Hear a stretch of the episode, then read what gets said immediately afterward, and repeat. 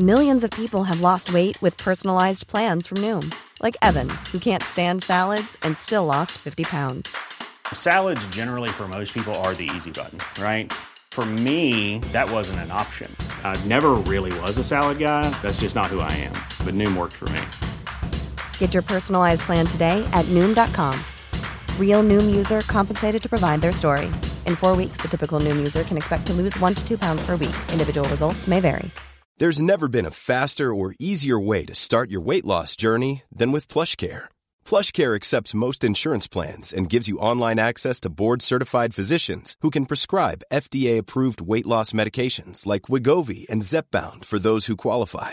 Take charge of your health and speak with a board-certified physician about a weight loss plan that's right for you. Get started today at plushcare.com slash weight loss. That's plushcare.com slash weight loss. plushcare.com slash weight loss.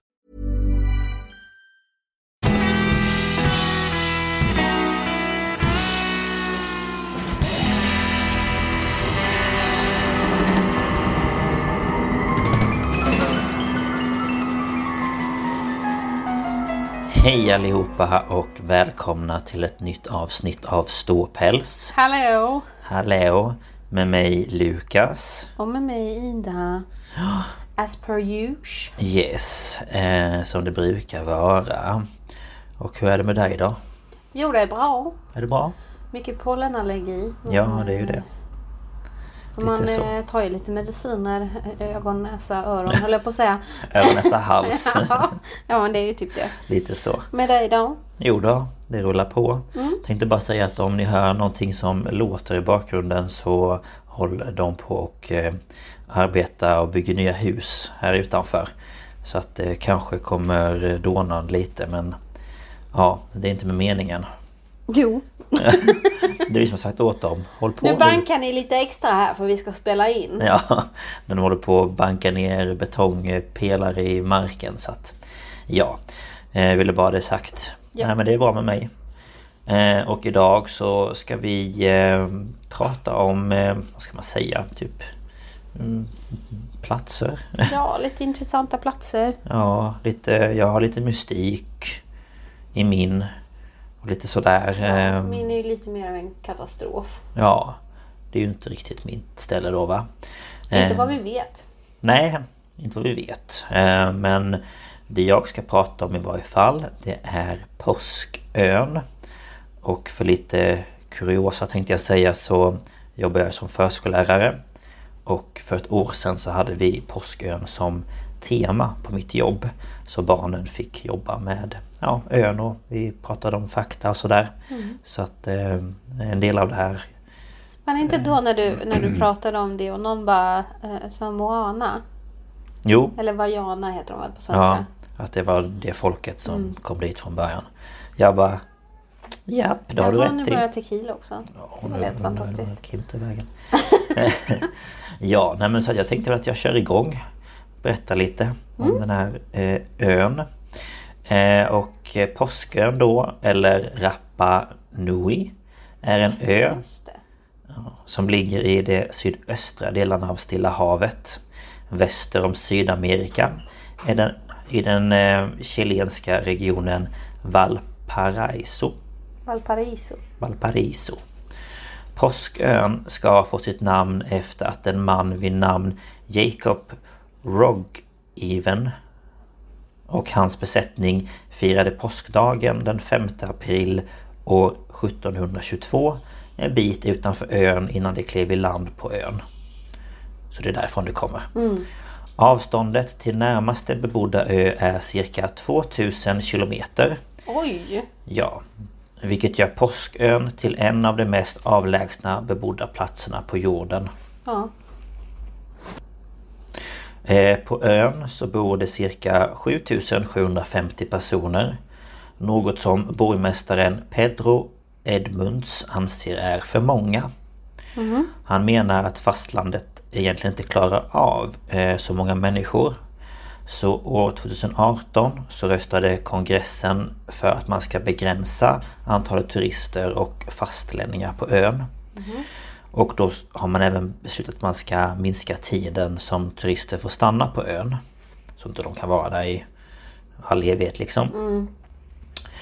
Eh, och eh, Påskön är triangulär till formen och har bildats av tre underjordiska vulkaner som då nått över havsytan. Mm. den norra vulkanen eh, Terevaka är den största och utgör merparten av öns yta. Eh, Pojke och Rano Kau utgör den östliga respektive den sydliga delen av ön. Och på ön så finns det flera vulkaniska kratrar varav några av dessa är vattenfyllda. Alltså den är inte så jävla trevlig att bo på liksom. Ja, det, den är lite samma... Lite... Nej, alltså den ser faktiskt ganska fin ut skulle jag säga. Jag tänker om det, eh, det kanske inte kommer upp så mycket. Jag tänker på så giftiga gaser och sånt där. Nej, de är inte, de är inte så aktiva nu Nej, okej. just nu verkar det som. Så att eh, jag tror att det är helt okej. Eh, Men påsken den består i varje fall av kala stenslätter och lite vegetation. Eh, Påsköträdet eh, det är en trädart som tidigare funnits på Påskön men som tyvärr föll offer för avskogning och blev till slut Asså. utrotat. Åh herregud, inte ens där kan de låta det vara. Nej, såklart. Ehm, trädet eh, det håller på att återinföras på Påskön som en del av ett vetenskapligt projekt. Men, i, Men det tillhör Chile alltså? ja, precis. Och de är väl inte de eh, mest... Eh, nu ska jag inte trycka ner Chile, men det känns inte som att det är ett land som tänker på eh, miljö och sådär jättemycket. Jag är, jag, är, jag är lite osäker på hur de står i den frågan men eh, just... eh, Alltså jag känner Jag många mig- sydamerikanska länder är Ja, lite... jag tänker mycket som typ Am- Amazonas och allt vad det Ja, heter. Brasilien, alltså den jäveln. Ja. Ja. eh, men idag så finns i alla fall trädet bara i Kew Garden i London och i Göteborgs botaniska trädgård. Jaha. Mm.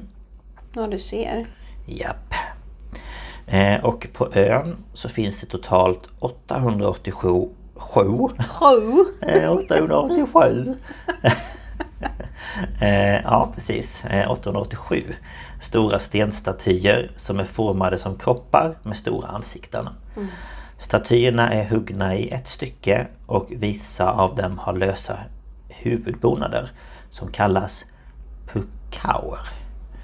Eh, statyerna de kallas för moai och kan vara upp till 12 meter höga och de väger runt 75 ton. Eh, och dessa gåtfulla statyer har fascinerat omvärlden sedan 1700-talet. Eh, forskare har tidigare kunnat fastställa att de här moajerna eh, började resas alltså, ja, eh, på 1200-talet. Att det var då man började liksom skapa dem. Eh, statyerna högst ut ur klippan Rano Raraku. Och det är liksom då en klippa till den här största ehm, ehm, vulkanen. Vulkanen, Ja. Eh, och idag finns det nästan eh, 400 mer eller mindre färdiga statyer kvar på den här platsen. Jaha, nu ska Kim komma in. Så, nu är alla katter in också. Ja. Ehm, ja, och de flesta sta- statyerna de står då längs öns kust. Eh, och hur de då har förflyttats dit är ett av världens mest seglivade mysterier. Ehm, efter att man 2012 började göra utgrävningar runt moajerna ehm, Alltså själva huvudena då Upptäckte forskarna att de även har kroppar. Ehm, Det är då jättekroppar med, inri ja, med inristade symboler över hela ryggen. Ja, Eh, och det de har kunnat hitta är bland annat symboler av halvmånar. Vilket forskare tror eh, symboliserar kanoter som de som då gjorde de här statyerna använde sig av. Eh, och utgrävningen går under namnet Easter Island Statue Project. Eh, väldigt fyndigt namn tycker jag. Ja. Oj, oj, oj, vad påhittigt. Gud. Man bara yes. eh, och det är inte många som vet att stenhuvudena huvudena på ön även har kroppar. Och detta tror Joe Ann Van Tilburg, eller Burg, eh, som är ledare för det här projektet beror på att de mest kända och vackraste bilderna av statyerna är de som är begravda upp till axlarna. Mm. Jag blir snorig, förlåt. jag blir täppt i näsan hela tiden. Anledningen till detta det tror man är eh,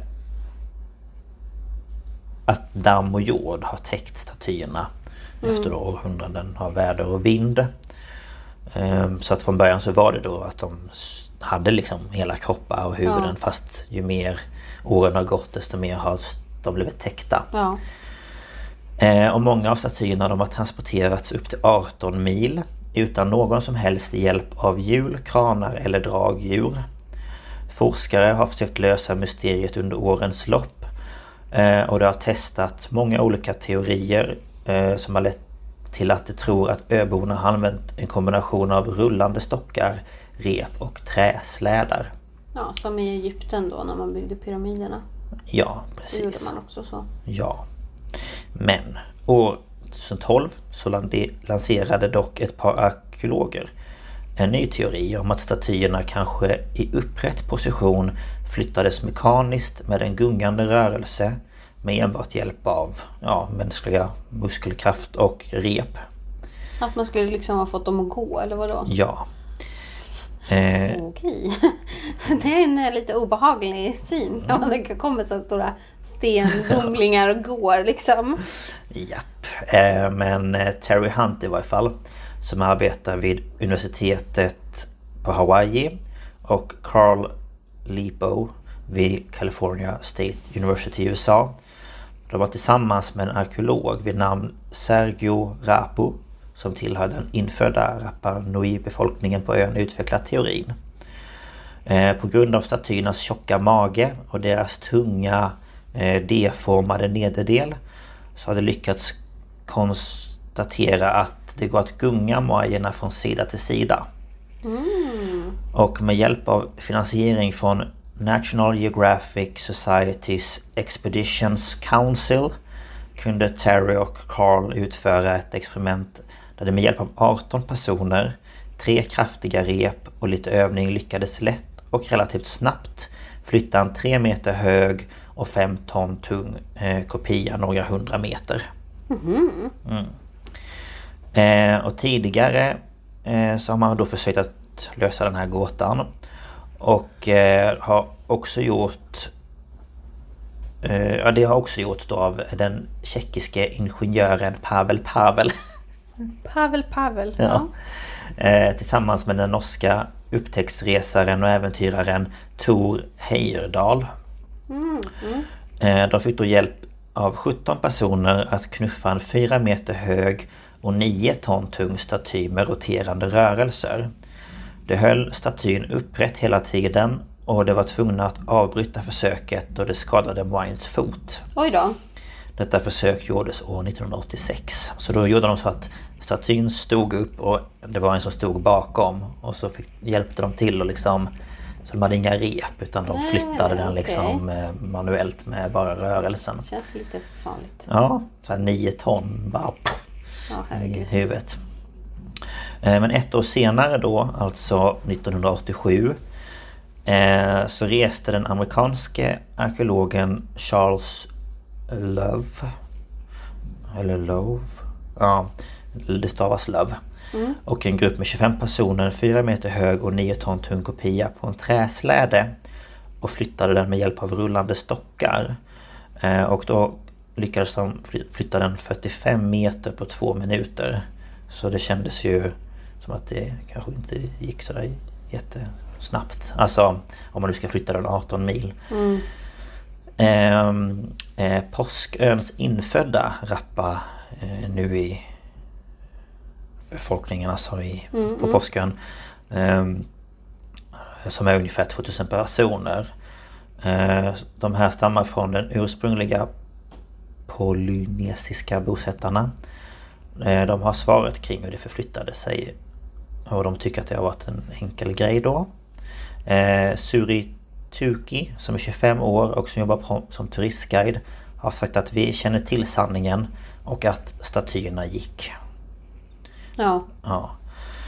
Ehm, och ett annat mysterium har ju då varit varför statyerna står där de står.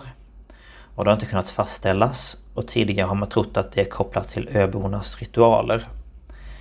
Men år 2019 så kom en artikel där det står att en grupp antropologer från Binghamton University i New York tror sig nu veta att tillgången på vatten har påverkat placeringen av statyerna. Okej. Eh, Det forskarna gjort är att analysera de stenplattformar som tydligen heter Ahu. Ahu. Ahu. som statyerna står på. Forskarna har även kartlagt Påsköns resurser som till exempel vilka områden som har odlingsbar jord, platser där det fiskar och var det får tillgång till färskvatten. Och på Påskön så finns det inga floder och i de sjöar som bildats av kratrar från vulkanerna så finns det inga tecken på att öborna tagit sitt dricksvatten ifrån. Okay. Det man dock vet är att regnvattnet sipprar ner genom berggrunden och lagras där i något som heter akviferer. Mm. Varpå det åker ut i havet. Och akviferer är helt enkelt en underjordisk geologisk formation av en eller flera hålrum och gångar som rymmer så mycket friflödande vatten att grundvattnet kan utvinnas ur den i användbara mängder. Ehm, och enligt definitionen av det här då från vattendirektivet så är då en akvifer Akvifer, jag vet inte hur man säger. Akvifer. Nej, jag vet inte heller faktiskt. Eh, Ett eller flera lager under ytan av berggrund eller andra geologiska skikt med tillräcklig eh, alltså porositet, alltså porös ja, och genomsläpplighet för att medge antingen en betydande ström av grundvatten eller uttag av betydande mängder grundvatten. Ja. Eh, Och som jag tidigare tagit upp så står de flesta statyerna längs kusten. Ja. Och där har man också hittat bassänger med bräckt vatten. Och bräckt vatten det är en blandning mellan havsvatten och sötvatten. Eh, forskarna kunde då se hur hästar gick ner till stranden för att dricka. De har ju väldigt många hästar som går fritt på Påskön. Eh, och tidigare upptäckte visar även att urbefolkningen både drack bräckt vatten och konstruerade brunnar. Så den slutsats som forskarna publicerade i en vetenskapstidskrift som heter Plus One, alltså PLOS, inte plus utan plus. Är helt enkelt att Påsköns ursprungsbefolkning placerade plattformarna och reste statyerna på ställen där det snabbt går att släcka törsten. Då varje gång forskarna såg stora mängder med sötvatten så såg de också stora statyer. Eh, enligt vissa forskare ledde kampen om Påsköns knappa resurser till blodiga strider mellan invånarna. Något som Carl eh, Lippo menade på att det inte finns mycket bevis för. Eh, Lippo menar att det, på, att, det, att det spår som de har hittat tyder på samarbete, interaktion och tävlan mellan de olika byarna. Och Han har då också sagt att allt som skapar sammanhållning ger en styrka och hjälper en att överleva. Jag tror att det är hemligheten med Påskön. Joe Ann Van Tilburg som jag tog upp senare, senare, tidigare. Jag bara tog upp Jag tog senare. upp hans senare. Ja. Eh, Är dock inte lika övertygad då hon menar att vattensamlingarna knappt haft så pass stor betydelse för plattformarnas läge som Lippo anser. Det är alltid folk som är oense känner jag. Mm. Så det var det. Ja, det var intressant. Ja. För det här har de ju inte vetat någonting om i princip. Nej. För det står ju på en av de kändaste bilderna man kan se så är det väl typ sju eller åtta stycken major som står precis vid vattnet in till havet. Och sen så är de ju liksom placerade, det finns kartor man kan söka på.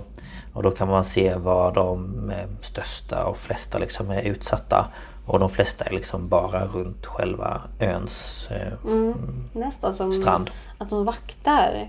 Ja, eh, Känns det som. Det har ju också varit en eh, teori om att de har liksom stått och liksom varit lite så här skrämt Ja. angripare liksom. Det känns ju nästan som det, att de Ja. är liksom guardians. Ja, men de har kommit fram till att de tror att det kan ha med vattnet att göra som sagt. Mm. Så att de ska kunna liksom, ja, få vatten till att kunna leva. Ehm, och sen hur de då förflyttar sig har ju också pågått i åratal. Men jag visste inte att de hade hattar som var så här. Jo, vissa har som det ser ut som en liten eh, rund hatt platt ibland som, man, som är avtagbar. Alltså det, jag har väl sett, jag har sett någon bild på att någon har hatt men jag trodde att den satt fast. Ja, nej men det... Det är ju helt sjukt. Hur fan fick de upp den då? ja, det Eller vet. gick den med den där hatten? Men tänk om hatten hade ramlat av? Alltså, varför gjorde de den då av? Det är jättekonstigt att Ja. den är avtagbar. Jag, Jag vet, så det är så här, vad, vad gömmer sig i den liksom? Men sen vet de väl inte, för jag kunde inte hitta någonting angående alla de här symbolerna. nej. För att man har ju bara sett liksom eh, huvudet på de flesta. Och de har ju aldrig riktigt sett att de har de här symbolerna. Men det är verkligen hela ryggarna är fulla med olika symboler som går då i ett mönster runt. Så, eh, så vi får väl Kan man se. ju undra om det är någon slags... Eh, inte förbannelse, men eh, någon slags Ja, om det, magiskt, nästan som en galder. Att Mm. när de skriver de orden så får den här figuren magiska Ja. krafter eller... Ingen aning faktiskt. Vi får väl se om det kommer mer information om just det. Men Mm. eh, ja, nej, så det är lite spännande och mystisk grej tycker jag. jag har ju hört talas om det där men jag har inte kunnat så jättemycket. Nej, nej men så att, Det var eh, intressant. Tack ja. för det. Var så god. Åh, ska vi gå vidare då? Ja, vi kör väl på ditt då. Ja. Ja, jag tänkte ju berätta mer om en eh, plats som har blivit utsatt för en stor katastrof. Eh, in- det är också ett mysterium eh, till viss del, men eh, inte som Påskön då. Eh, för jag kommer prata om Pompeji Ja. Som begravdes eh, av ett eh, Jag gillar att jag bara ja. Som att som det- begravdes av ett eh, vulkanutbrott. Ja. Ehm, så vi börjar då. Den 24 oktober år 79 var en helt vanlig dag för folket i Pompeji. Stadens människor levde i en stor renovering och återuppbyggnad av staden efter en stor eh, jordbävning 12 år tidigare. Så när marken och berget Vesuvius än en gång mullrade och skakade så var det ingen som liksom tänkte mer på det. De hade ingen aning om att hela staden och de människor som fortfarande befann sig där om 48 timmar skulle vara döda och begravda. Offer för en av världens största och historiens största katastrofer. Eh, Pompeji är ju gammalt. Det grundades 500 år före Kristus av en folkgrupp från mellersta Italien som kallades för Osker. Ehm, jag har inte liksom gått in i, i alla detaljer med Nej, nej. folkgrupper och grejer utan jag bara tar det. Ja. Som sagt, Ja. jag kan prata hur länge som helst. Ehm, men redan tidigt då, sen ehm, staden eh, grundades, så använde greker som en, det som en säker hamn för att den låg eh, ända längst ner mot havet. Ah. Ehm, det ligger ju inte vid havet nu, det är lite längre ner till havet för havet har ju dragit Ja, sig ja. tillbaka och sådär. Men grekerna använde som sagt var hamnen var så här, Okej. em, säker plats Mm. och kunde stanna till under sina handelsresor och sådär. Och eh, det var ju väldigt eh, mycket krig mellan eh, folkgrupper och grejer. Och, Ja. men så var grekerna i krig med Rom. Alltså det var ju inte Italien då, man kan inte Nej. säga Italien utan det var ju Rom. Och Pompejis folk då valde att ställa sig på samma sida som grekerna. Mm. Men till slut så förlorade ju grekerna kriget och Pompeji blev romerskt. Ehm, så från 89 före Kristus, så vi är fortfarande före Kristus, så blev Pompeji en romersk koloni. Eh, och eh, de tog över det och det blev en viktig eh, hamnstad för deras handel. Ehm, så eh, ja, romarna bara kom och tog över som de gjorde med många Ja, ja. platser. Eh, och det officiella språket blev latin. Och ehm, alla som inte stod emot Rom fick då romerskt medborgarskap. Så automatiskt. Ja, ja. Liksom, är du med grekerna eller romarna? Så de romarna, okej, ja, kom. varsågod. Eh, Varsågod. och eh, de aristokratiska familjerna i Pompeji gjorde om sina namn. För de hade väl antagligen kanske grekiska namn och så. Men de gjorde om dem till latinska namn. För att då Ja, liksom för visa att vi är med? Vi har assimili... assimili ja, Jag kan inte uttala det ordet. Vi Strunt har samma. De har assimili- eh, visat att de har anpassat sig. Ja. Ehm, och eh, då romarna de valde att bygga ut staden så de gjorde ju amfiteatrar, du vet sådana här utomhusteatrar som det finns här borta vid SLU. Ja. Eh, de gjorde sina kända romerska bad. Och de gjorde något ställe som heter Teatrum Tectum. Som var ett stort teaterområde med tre olika byggnader. Och det här var liksom byggnader med tak. Och de kunde alltså rymma 1500 personer. Så det var liksom stort. Ja, ja. Där hade man bland annat gladiatorstrider. För det tog de ju med sig såklart. Ja. Ehm, det var ju liksom... Alltså det är väl det det romerska imperiet nästan är mest känd för. Förutom sina konstiga kejsare. Är ju gladiatorstrider. Jag får för mig att det är grekiskt.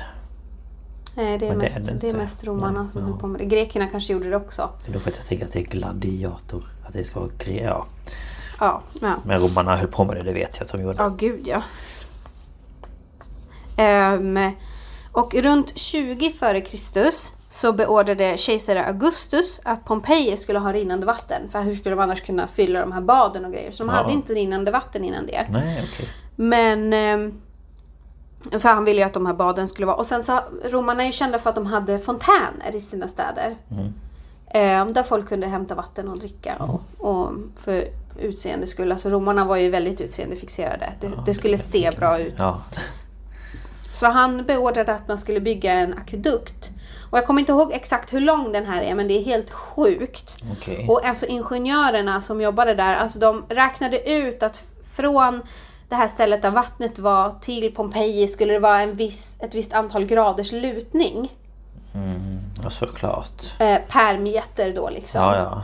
Eh, och en akvedukt är ju alltså en, en vattenledning ovanför mark. Ja, precis. Ehm, så alltså de räknade ut liksom och byggde exakt. Men gud. Det är helt sjukt. Ja. Ehm, så ja, stan fick rinnande vatten då. Ehm, och eh, om vi kommer då till år 79 efter Kristus. ehm, så hade Pompeji 20 000 invånare. Och täckte en yta på 64 till 67 hektar. Och en hektar är... ehm, är- vad- 64 hektar är 640 000 kvadratmeter. ja, det är mycket. Eh, jag är inte, jag är inte så jättebra på de här ytmåtten som jag sagt. Men det är svinstort. Det måste det väl vara. Eh, och tänk också år 79. Ja, alltså inte ens någonting utan bara 79. Mm. Ja. Men det måste ju vara stort, eller? De var 20 000 invånare. Ja. Ja, det Och, måste ju vara stort. ja. och det, det, alltså stan hade ju, det var ju ett eh, rutnät med gator. Mm. Det var väldigt sådär, om man ser det ovanifrån så är det väldigt organiserat. Ja, ja. Som Ehm. New York typ. Manhattan. Ja, och alltså eh, romarna är ju kända för att liksom kunna bygga alltså, gator. De har ju såna här kullerstensvägar som de har grävt fram och det, det är såna här hjulspår Jaha. i de här för att det har gått så mycket vagnar fram och tillbaka. Alltså det är helt sjukt. Häftigt. Eh, men i alla fall då år 79 så ehm, eh, började då berget mullra och det skakade men folk trodde att det var en jordbävning. Det är ganska vanligt i det området. Det här är alltså, jag tror det är typ två mil söder om eh, Neapel. Okej. Ehm, så det är ett sånt eh, område där marken rör sig en del. Men det började regna pimpsten. Eh, och det är en vulkanisk, eh, en vulkanisk bergart, pimpsten ja. Det är sådana här som man kan köpa som man filar fötterna med. Jaha. Det är pimpsten. Ehm, det heter lapilli på latin och italienska. Och pumice på engelska. Mm. Eh, och det här regnet av de här stenarna, alltså de var ganska stora de här stenarna som kom. Eh, det varade i 18 timmar.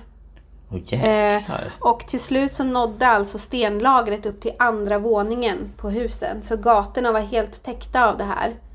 Men det är ju helt sjukt. Eh, ja, alltså det är jättesvårt att, att, att ta in. Och man tro, har ju trott länge att eh, många hann fly. Eh, för att ja, men många började väl fly när det började regna sten. Ja, det... Ehm, men många, de har ju hittat en del kroppar och många sökte ju sig in i husen. För de trodde ju att det här skulle gå över. Såklart. Men det som hände var ju att de kunde inte ta sig ut. Nej, för att dörrarna gick ju inte upp. Ja, nej precis. Det är som att det Ehm, skulle vara stegen upp till vår balkong. Mm. Det är ju helt galet. Men nu kanske inte våningarna då var lika Nej, höga. i Men och jag för vet sig. inte. Men ja. Ehm, och under natten, eller tidigt nästa dag, så började såna här pyroklastiska flöden komma.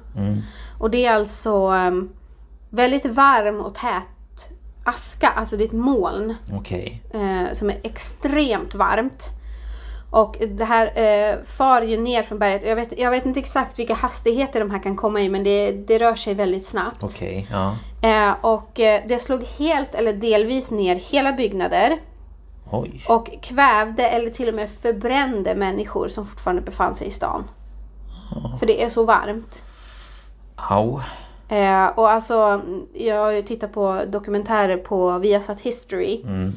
Och alltså de har ju hittat möbler. Alltså hela möbler. En, en spjälsäng. Som det blev varmt så snabbt att träet blev kol. Ah. Så det brann inte utan det förkolnades direkt. Och, då har det, och eftersom det då lades massa aska Ja, ja. över så har det bevarats. Så de har ju hela, eh, hela möblemang ifrån Men gud. Pompeji. Det är ju helt galet. Så det var liksom så varmt. Det måste ju varit så varmt man kan inte, inte ens tänka sig. Nej, alltså det är ju, tänk en ugn på högsta värme. Om Ja. inte mer. Ja, förmodligen. How would you like to look five years younger? In a clinical study, people that had volume added with Juvederm Voluma XC in the cheeks perceived themselves as looking five years younger at six months after treatment. Look younger, feel like you. Add volume for lift and contour in the cheeks with Juvederm Voluma XC. Reverse signs of aging by adding volume to smooth laugh lines with Juvederm Volure XC. For important safety information and to find a licensed specialist, visit juvederm.com. That's J U V E D E R M.com. Not for people with severe allergic reactions, allergies to lidocaine, or the proteins used in Juvederm. Common side effects include injection site redness, swelling, pain, tenderness, firmness, lumps, bumps, bruising, discoloration, or itching. There's a risk of unintentional injection into a blood vessel, which can cause vision abnormalities, blindness, stroke, temporary scabs, or scarring. Talk to a licensed specialist to find out if it's right for you. Millions of people have lost weight with personalized plans from Noom, like Evan, who can't stand salads and still lost 50 pounds. Salads, generally, for most people, are the easy button, right?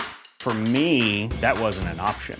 I never really was a salad guy. That's just not who I am. But Noom worked for me. Get your personalized plan today at Noom.com.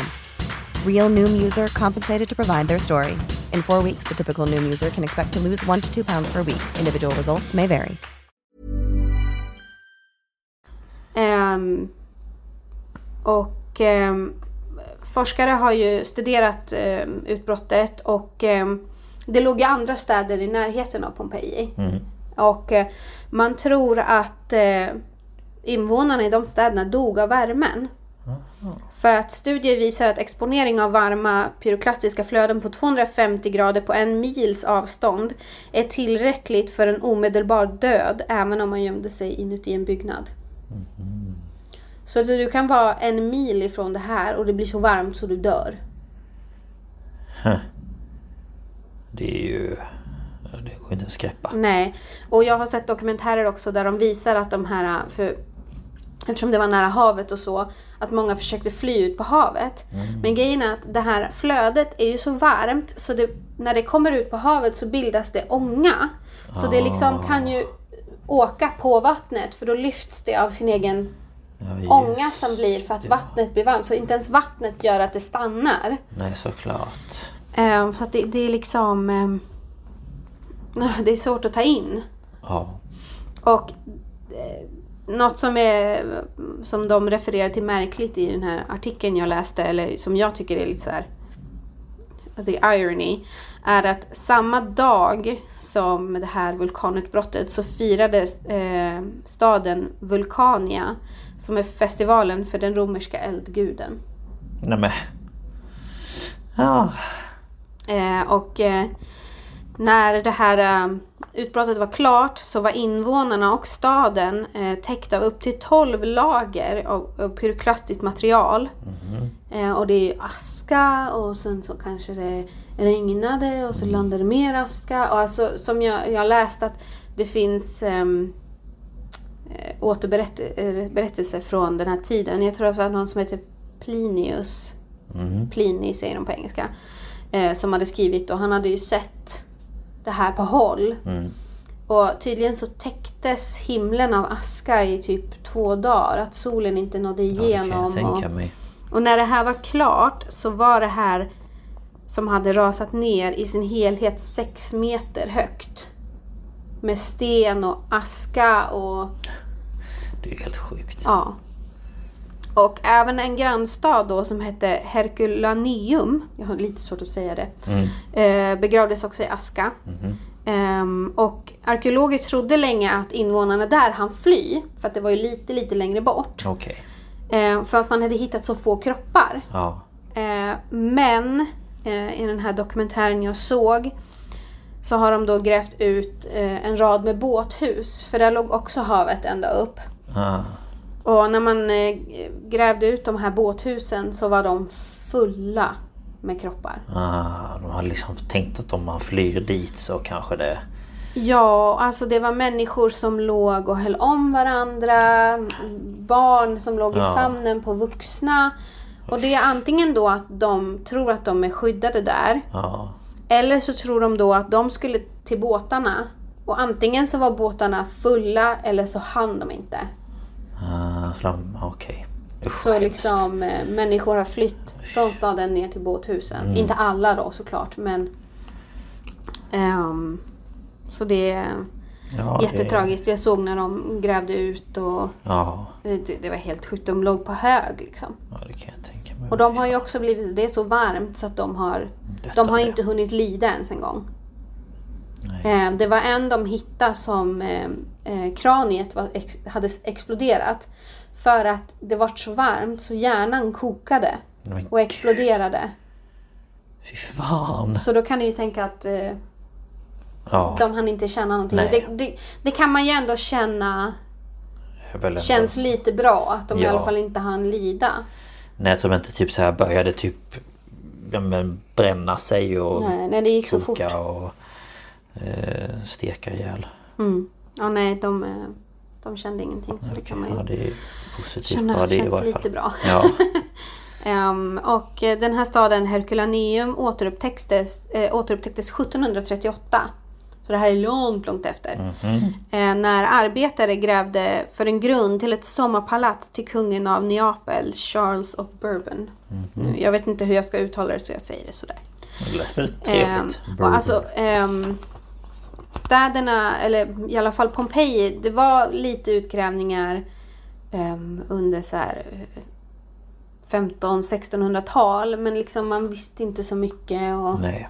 ehm, det var väl mest att ehm, man plundrade. Det finns alltså gångar i det här Det har ju blivit hårt det här flödet. Mm.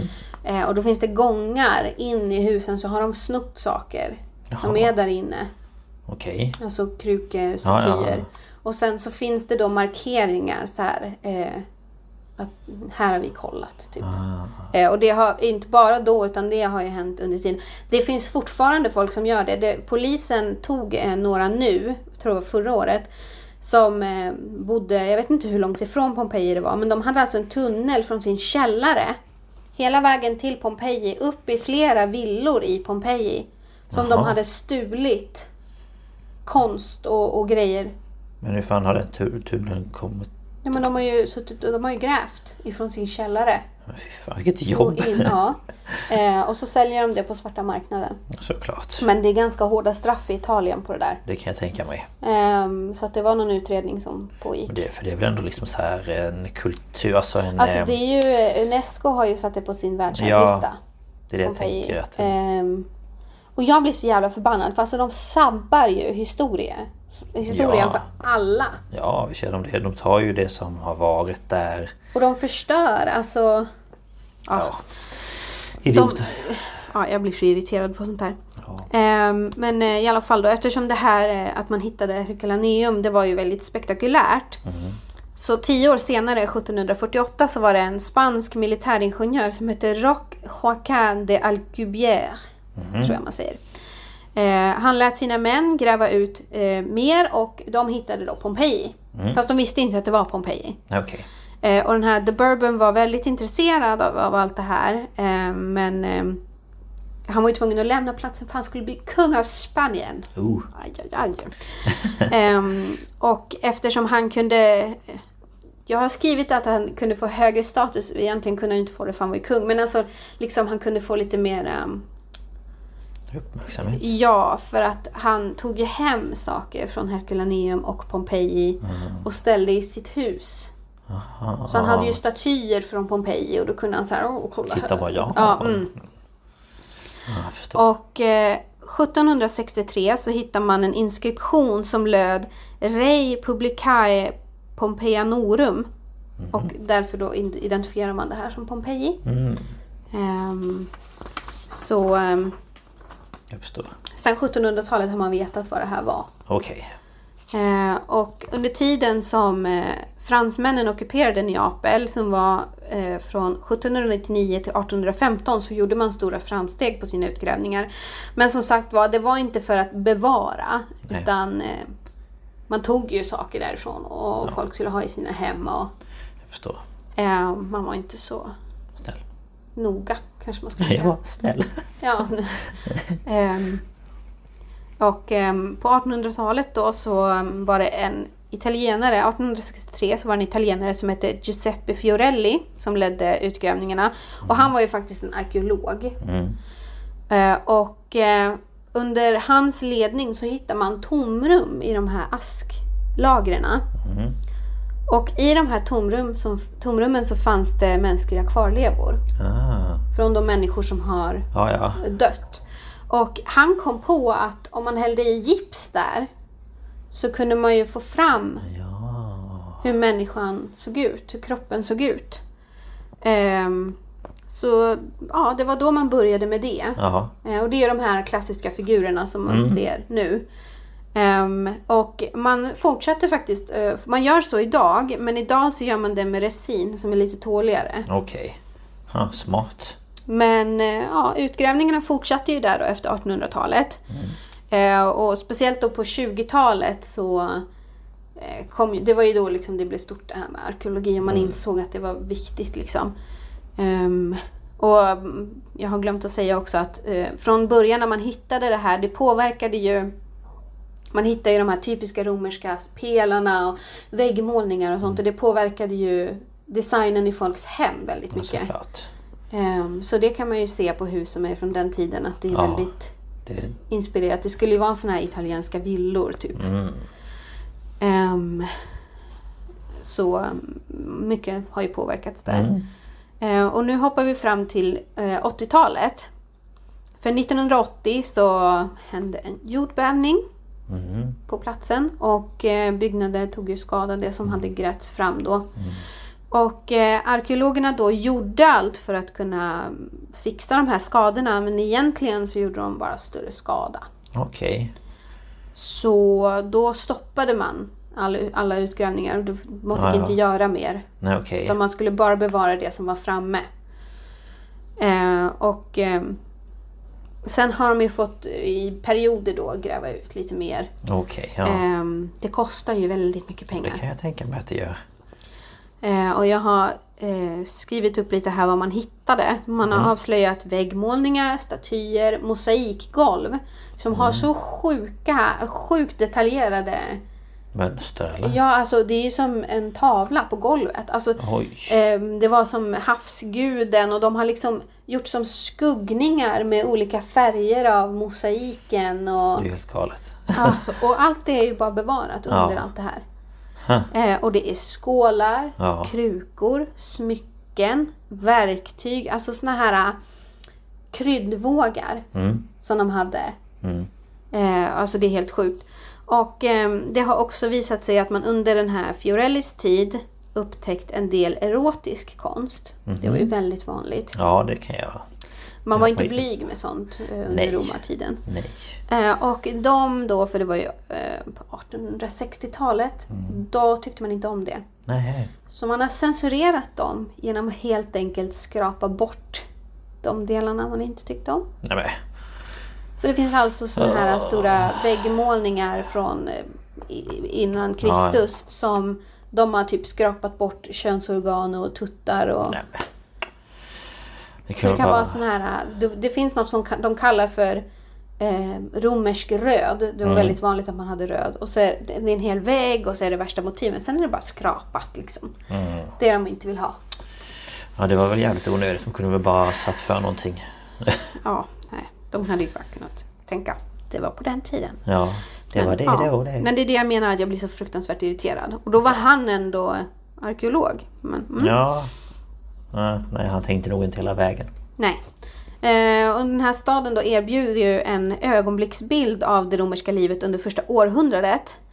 Och eh, detta ögonblick i tiden visar att Pompeji var en levande plats före utbrottet och ett överflöd av bevis visar i de minsta detaljerna vardagslivet.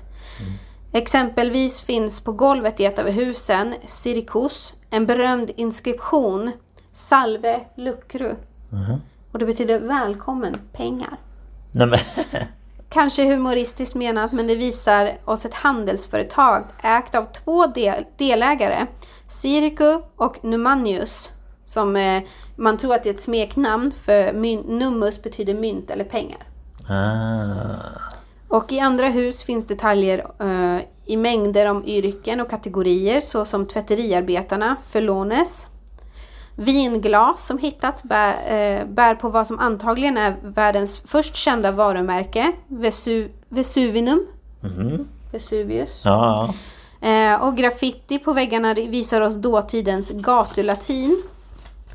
Ehm, och alltså, de har ju hittat eh, inskriptioner som är så här.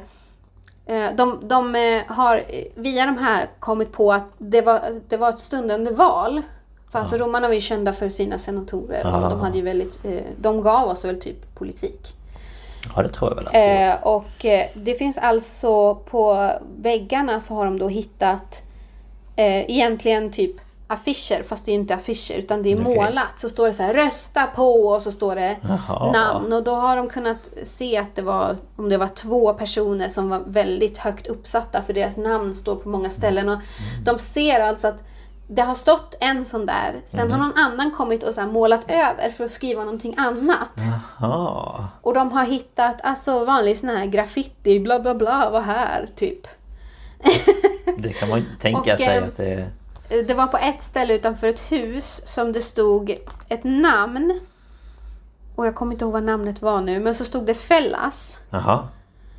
Och ehm, Fellas är ju som ordet fallos. Ja. Eh, så då var det ett namn och så stod det där, så då antydde det att den personen typ gillade oralsex. och då tror de då att det här var, för det var ett kvinnonamn tror jag att det antagligen var, ja men kanske en snygg eh, Ja. eh, kvinna som jobbade där inne eller liksom. Ah. Alltså det är helt sjukt. Alltså man, man är ju- så här, man blir så tagen för att det låter ju som människor idag. Ja, att man typ ser folk klottra eller man själv har klottrat någon gång eller... Ja. Och det finns liksom klotter i så barnhöjd. Så är det Mm. någon som har övat på att skriva sitt namn och grejer på, på utsidan av husen. Liksom. Ja. Eh, och det var på ett ställe de hittade precis utanför en dörr så är det någon som har börjat skriva någonting och så ser man typ att de, det är avbrutet så de tror att de blev påkomna med att stå och rista på någons hus. Som när jag försökte rista in mitt namn i vårt köksbord när jag var liten. ja, smart. Ja, jag kom till hälften. Ja. Ja. Ja, nej men alltså det och jag menar det här med, med graffiti, alltså det finns ju graffiti i den här, vad heter den, Haga Sofia. Mm. Finns det ju graffiti från en viking. Där han har ritat, ristat in i en sån här, äh, där man håller sig i trappen och Ja. skrivit bla bla bla var här. Jaha. Alltså och liksom, Det är ju det är väldigt häftigt. jag tycker det är jätteroligt att man har hållit på. Ja men så länge. Jag menar det här är ju för 1000... Ja det är ju år 70, ja, det, innan 79. Ja. Så att det är ju 2000 år sedan. Ja. ja, man, man tror att det liksom är sånt, något sånt här som typ kom under typ 40-50-tal. Alltså det, Ja. det känns som något sånt. Men Ja, nej. Ehm, och det här eh, programmet jag tittar på på Viasat History, då är det en arkeolog som heter Massimo Osana. Som eh, liksom, man får följa då. Han fick, jag tror att det var 2018-2019, fick han tillstånd att göra nya utgrävningar i Pompeji. Mm. På helt, alltså andra platser, eller en ny plats. Ja, alltså en ny del av staden. Och eh, man grävde då fram en gata som de kallade Street of Balconies, eller Balkonggatan. För att flera av husen där hade fina balkonger. Oh. Eh, och man hittade då i det här asklagret högt upp en man som man då ser framför sig har klättrat ut när det här pimpstensregnet är slut. För att han ligger på det lagret. Och då är det upp till den här andra våningen, balkongen. Så han har antagligen klättrat ut från ett av husen. Ah. Och eh, han hittades med en eh, pung med pengar, med jättemycket pengar. Ja. Och man tror att antingen så har han ju passat på att sno Ja. saker. Eller så är det här en man som då har tagit alla sina besparingar. Och, Och ska tänkt fly. därifrån. För att de har hittat då när de grävde ut det här huset att det var ett eh, typ värdshus. För de hittade så här vinkrukor och det är en väggmålning med vinguden och grejer. Så man tror att det var hans eh, affär då. Ja, ja. Eh, och eh, han tänkte då fly när det här regnet var slut. Eh, men det som hände då var att det här varma flödet kom så att han dog på fläcken. Ja, såklart. Och han låg liksom där han dog med Ja. sina pengar och, och allting. Jag tänker resten av de har hittat, det lär väl bara vara liksom ben. Ja, alltså det som har hänt är ju att kropparna... Det är ju som hela kroppar. Eh, men så när de häller i det här då så är det ju, det är ju de här hålorna. Så Mm. det, man ser ju verkligen... Formen. Man, man, det är ju de här läskiga man har sett så här, det är typ ansikten Ja. och de ligger och kryper Ja. och grejer. Eh, och på vissa sådana då så får man ju också när man häller i det här eh, gips och allt det där. Så får man ju med skelettet i där. Mm, okej. Ehm, så eh, det ser man ju och det... ehm, ja, det ser lite läskigt ut för det är hälften så här gips och så ser man hur det är ett skallben och, och lite sådär. Ehm, men när de i alla fall grävde ut det här nya området så hittade de då nya hus, eh, en villa med en stor trädgård och ehm, de hittade ett nytt torg med en, en eh, fontän och, eh, och allt möjligt. Och sen hittade de då verktyg. Och de hittade faktiskt en pincett Jaha, som ser exakt ut som pincetter idag. Eh, som är helt liksom bevarad då för, för att den har begravts och allt det där. Coolt. Ehm, och eh, de hittade i ett hus där taket hade rasat in så hittade de eh, en människa då som har dött där inne. Sen har rasmassorna rasat så skallen var helt krossad. Och de hittade i ett rum då eh, så hittade de att det stod en möbel framför dörren. Det var då typ en säng eller en sån här... Um, vad heter det? Ja, det är någon slags soffa. Mm. Eh, som man då har skjutit för dörren för man trodde att det skulle hålla det här ute. Jaha. Och så hittar de då i som en garderob hittar de barn. Ja. För då har de här vuxna trott att barnen skulle vara säkrare inne i garderoben. Och... Ah. Hur skulle de veta det tänker jag? Ah, nej, de, det vet de ju inte liksom. Nej, utan det var ju så här, vi- vi Ehm. gjorde det vi kunde. Ja. Och ehm, i den här dokumentärserien så visar de också att ehm, den här Osana jobbar med alltså massa experter av dess olika slag för att de ska försöka eh, konservera de här eh, avgjutningarna som man har gjort. För att nu när de ligger öppet så, så börjar de ju ta skada. Ja.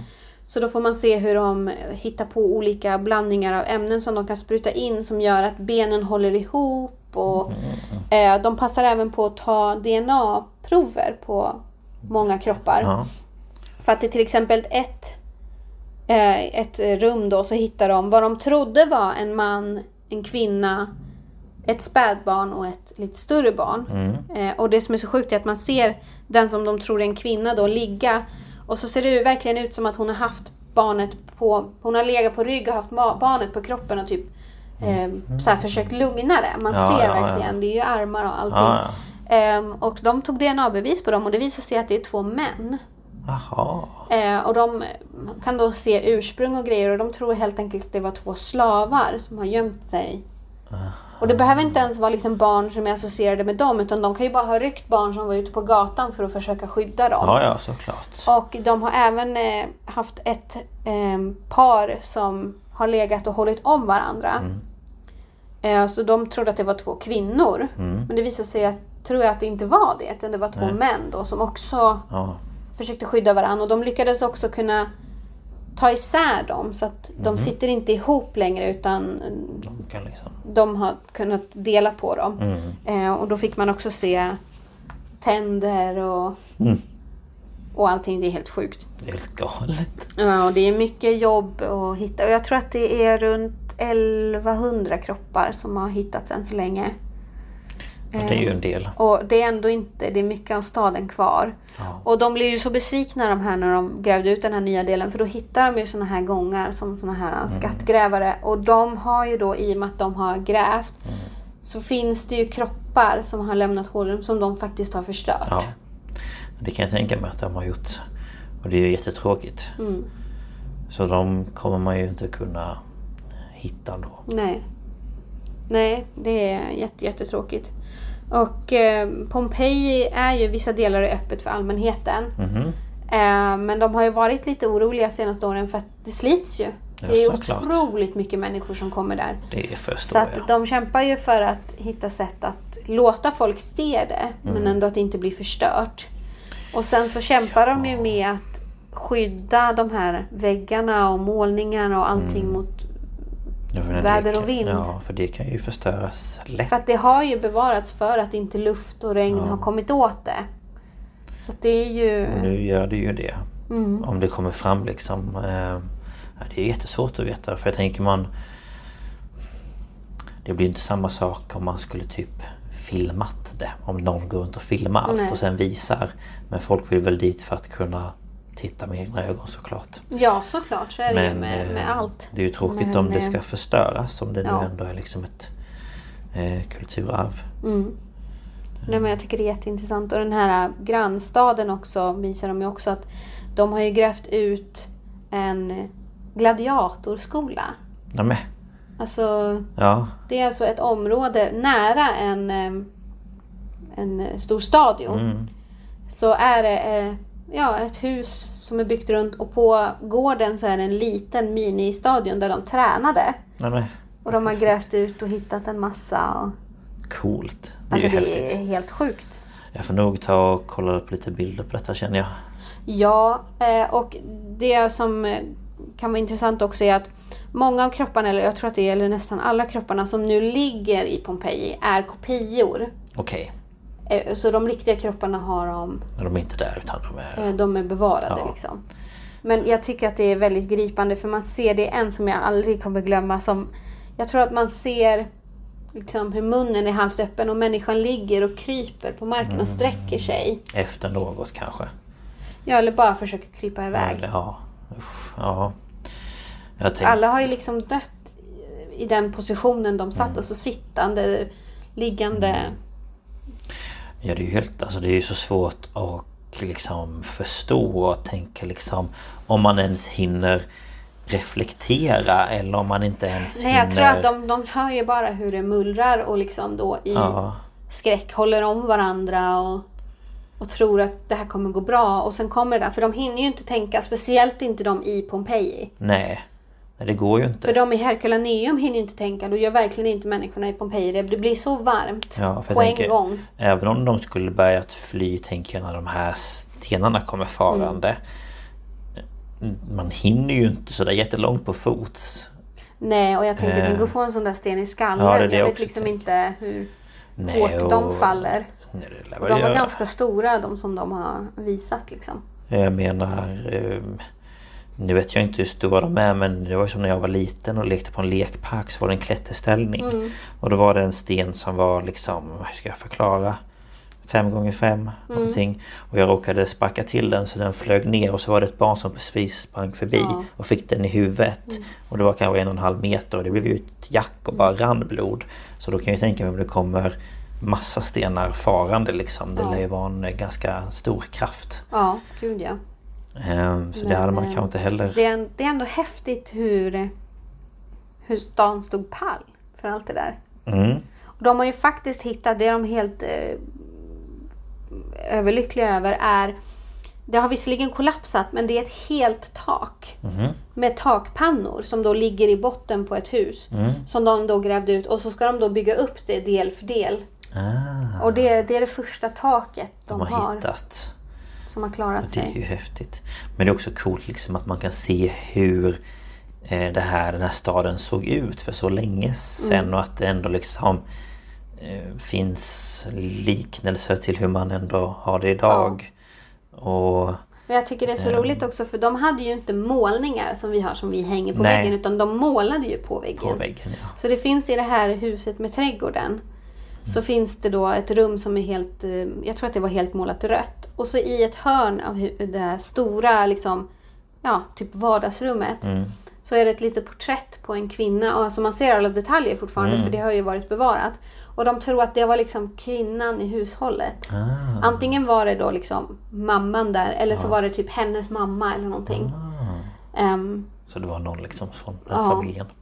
Det tycker jag, är jätte, jag tycker det är jättehäftigt. Ja, det är jättecoolt. Men sen är det ju såklart eh, väldigt eh, hemskt också. Men eh, det är ändå men en, jag, jag tar lite tröst i det där att de nog inte hann. De hann ju vara rädda såklart. Men, Ja. Såklart. Det är väldigt tragiskt. Alltså man undrar ju, hade den staden funnits kvar idag om det där inte hade hänt? Hade liksom det moderniserats så pass att det hade... Ja, alltså man, det är ju så svårt att veta om det liksom hade eh, om det hade varit samma stad då eller om det liksom hade... Antagligen hade det ju vuxit ihop med Neapel. ja, men, eh, större. Alltså det har ju varit större. Det förstår jag ju att det hade varit. Men Mm. eh, det är jättesvårt att säga. Men eh, ja, nej men bra jobbat. tack. Jag, tycker, jag har alltid varit väldigt fascinerad av Mm. Ja, men det, det är ju väldigt eh, speciellt och liksom en händelse som inte liknar någon annan egentligen. Så att ja. Mm. Det var spännande. Tack så mycket. Mycket spännande. Det var ju dagens avsnitt idag. Ja, det var det. Det var två olika ställen fast ändå med lite mystik båda två. Ja. Fast på olika sätt. Lite historia blev det idag, Ja, kan man säga. vi kände att vi ville ha lite sådana här ämnen också. Lite Mm. katastrofer och lite ja, mystiska händelser och platser och sådär. Vi har ju lite mera katastrofer och så vidare att ta upp så att det blir fler avsnitt. Mm-mm. Det tänkte vi. Mm. Ja. Men det var väl allt för idag då? Ja, Ja. men vi hörs ju såklart nästa vecka. Ja, det gör vi. Och så, Så får får vi det. se vad, vad det blir för ämne då. Ja, det vet man aldrig. Nej, Nej, och så får ni ha det så bra. ja, ta hand om er. Mm, hej då! Hej då!